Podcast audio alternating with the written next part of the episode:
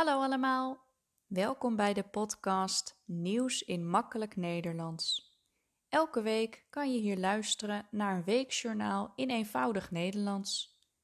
Ik probeer redelijk simpele woorden te gebruiken en duidelijk te spreken. Aan het einde van het journaal heb ik een opdrachtje voor je om je Nederlands te oefenen. Dit is aflevering 58. Dit is de laatste aflevering over 2022. Ik wens jullie nog een gelukkig nieuwjaar. Ik vertel over een aantal nieuwsberichten uit de kranten van week 51 en 52.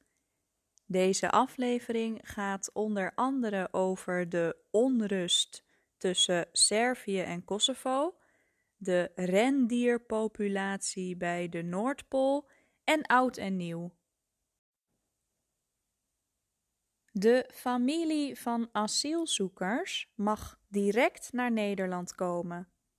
Het kabinet wilde dat er vanaf afgelopen zomer niet direct familieleden van asielzoekers naar Nederland kwamen.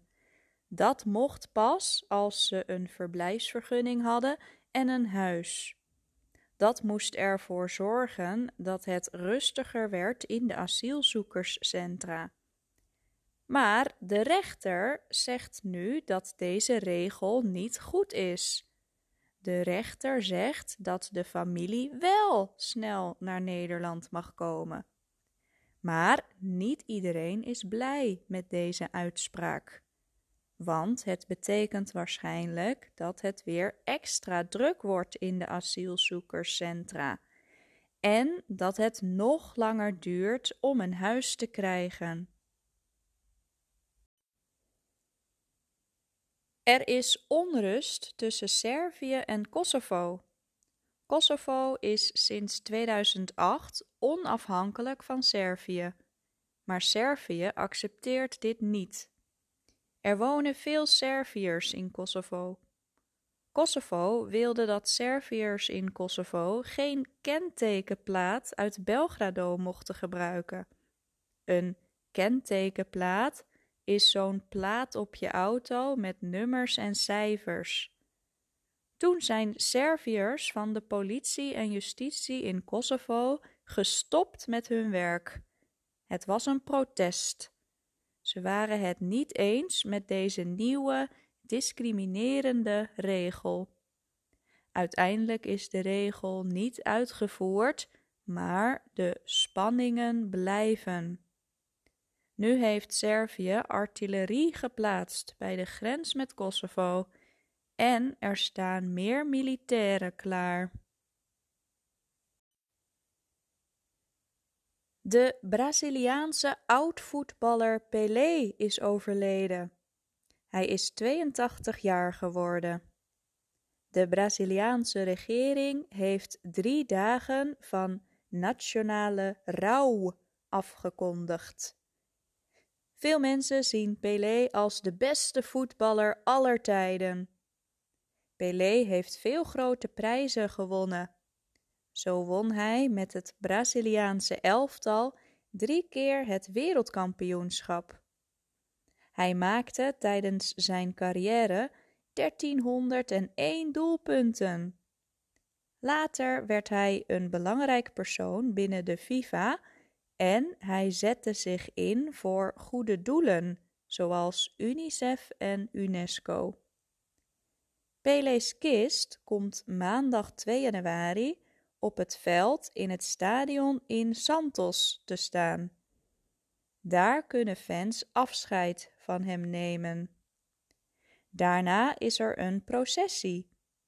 Men loopt door de straten en langs het huis van Dona Celeste, de honderdjarige moeder van Pelé. Dinsdag wordt de wereldster begraven. Dat gebeurt op de negende verdieping van de hoogste verticale begraafplaats ter wereld in Santos. In Japan heeft het heel erg gesneeuwd vooral in het noorden. Op sommige plekken viel meer dan een meter sneeuw. Enkele mensen zijn overleden. Bijvoorbeeld toen ze de sneeuw van het dak wilden halen. Ze stonden op het dak en gleden uit. Ook kwamen honderden auto's vast te zitten op de wegen.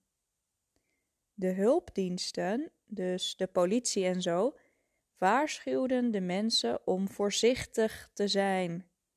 Het is bijvoorbeeld niet zo'n goed idee om in je eentje sneeuw weg te halen of om onder ijspegels te lopen. Ook in Amerika is het erg koud geweest. Het was extreem winterweer rond de kerstdagen. Ook hier zijn mensen doodgegaan. Door ongelukken in de auto, maar ook door onderkoeling en vallende takken bijvoorbeeld. Nog even wat positief nieuws. De rendierpopulatie bij de Noordpool groeit. De dieren bij de Noorse eilandengroep Spitsbergen eten gras dat door het ijs heen groeit. De rendieren kunnen dit gras makkelijk eten. Ze hoeven niet te graven in de sneeuw. Ook hebben de rendieren meer tijd om vetreserves op te bouwen door de hogere temperaturen. Ze passen zich dus aan aan de klimaatverandering. Het jaar 2023 is begonnen. Op 31 december vierden we oud en nieuw. Nederlanders eten dan meestal oliebollen of appelbeignets en ze drinken champagne om te proosten op het nieuwe jaar. Mensen wensen elkaar dan een gelukkig nieuwjaar. In sommige gemeentes was er een vuurwerkverbod. Dat betekent dat je in die gemeentes geen vuurwerk mocht afsteken. Maar er was toch veel vuurwerk. Daarom willen veel burgemeesters dat er een landelijk vuurwerkverbod komt. Er gebeuren vaak ongelukken met vuurwerk. Dit jaar raakte een elfjarige jongen zijn hand en oog kwijt en ook een andere jongen raakte twee vingers kwijt door een cobra.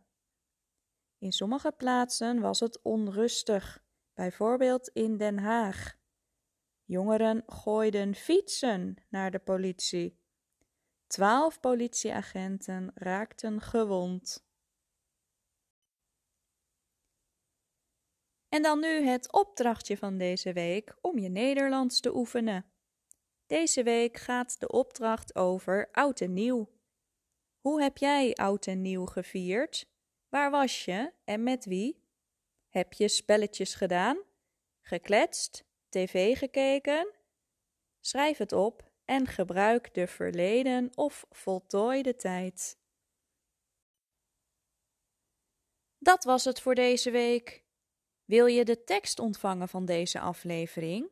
Stuur dan een mailtje naar nieuwsinmakkelijknederlands@hotmail.com.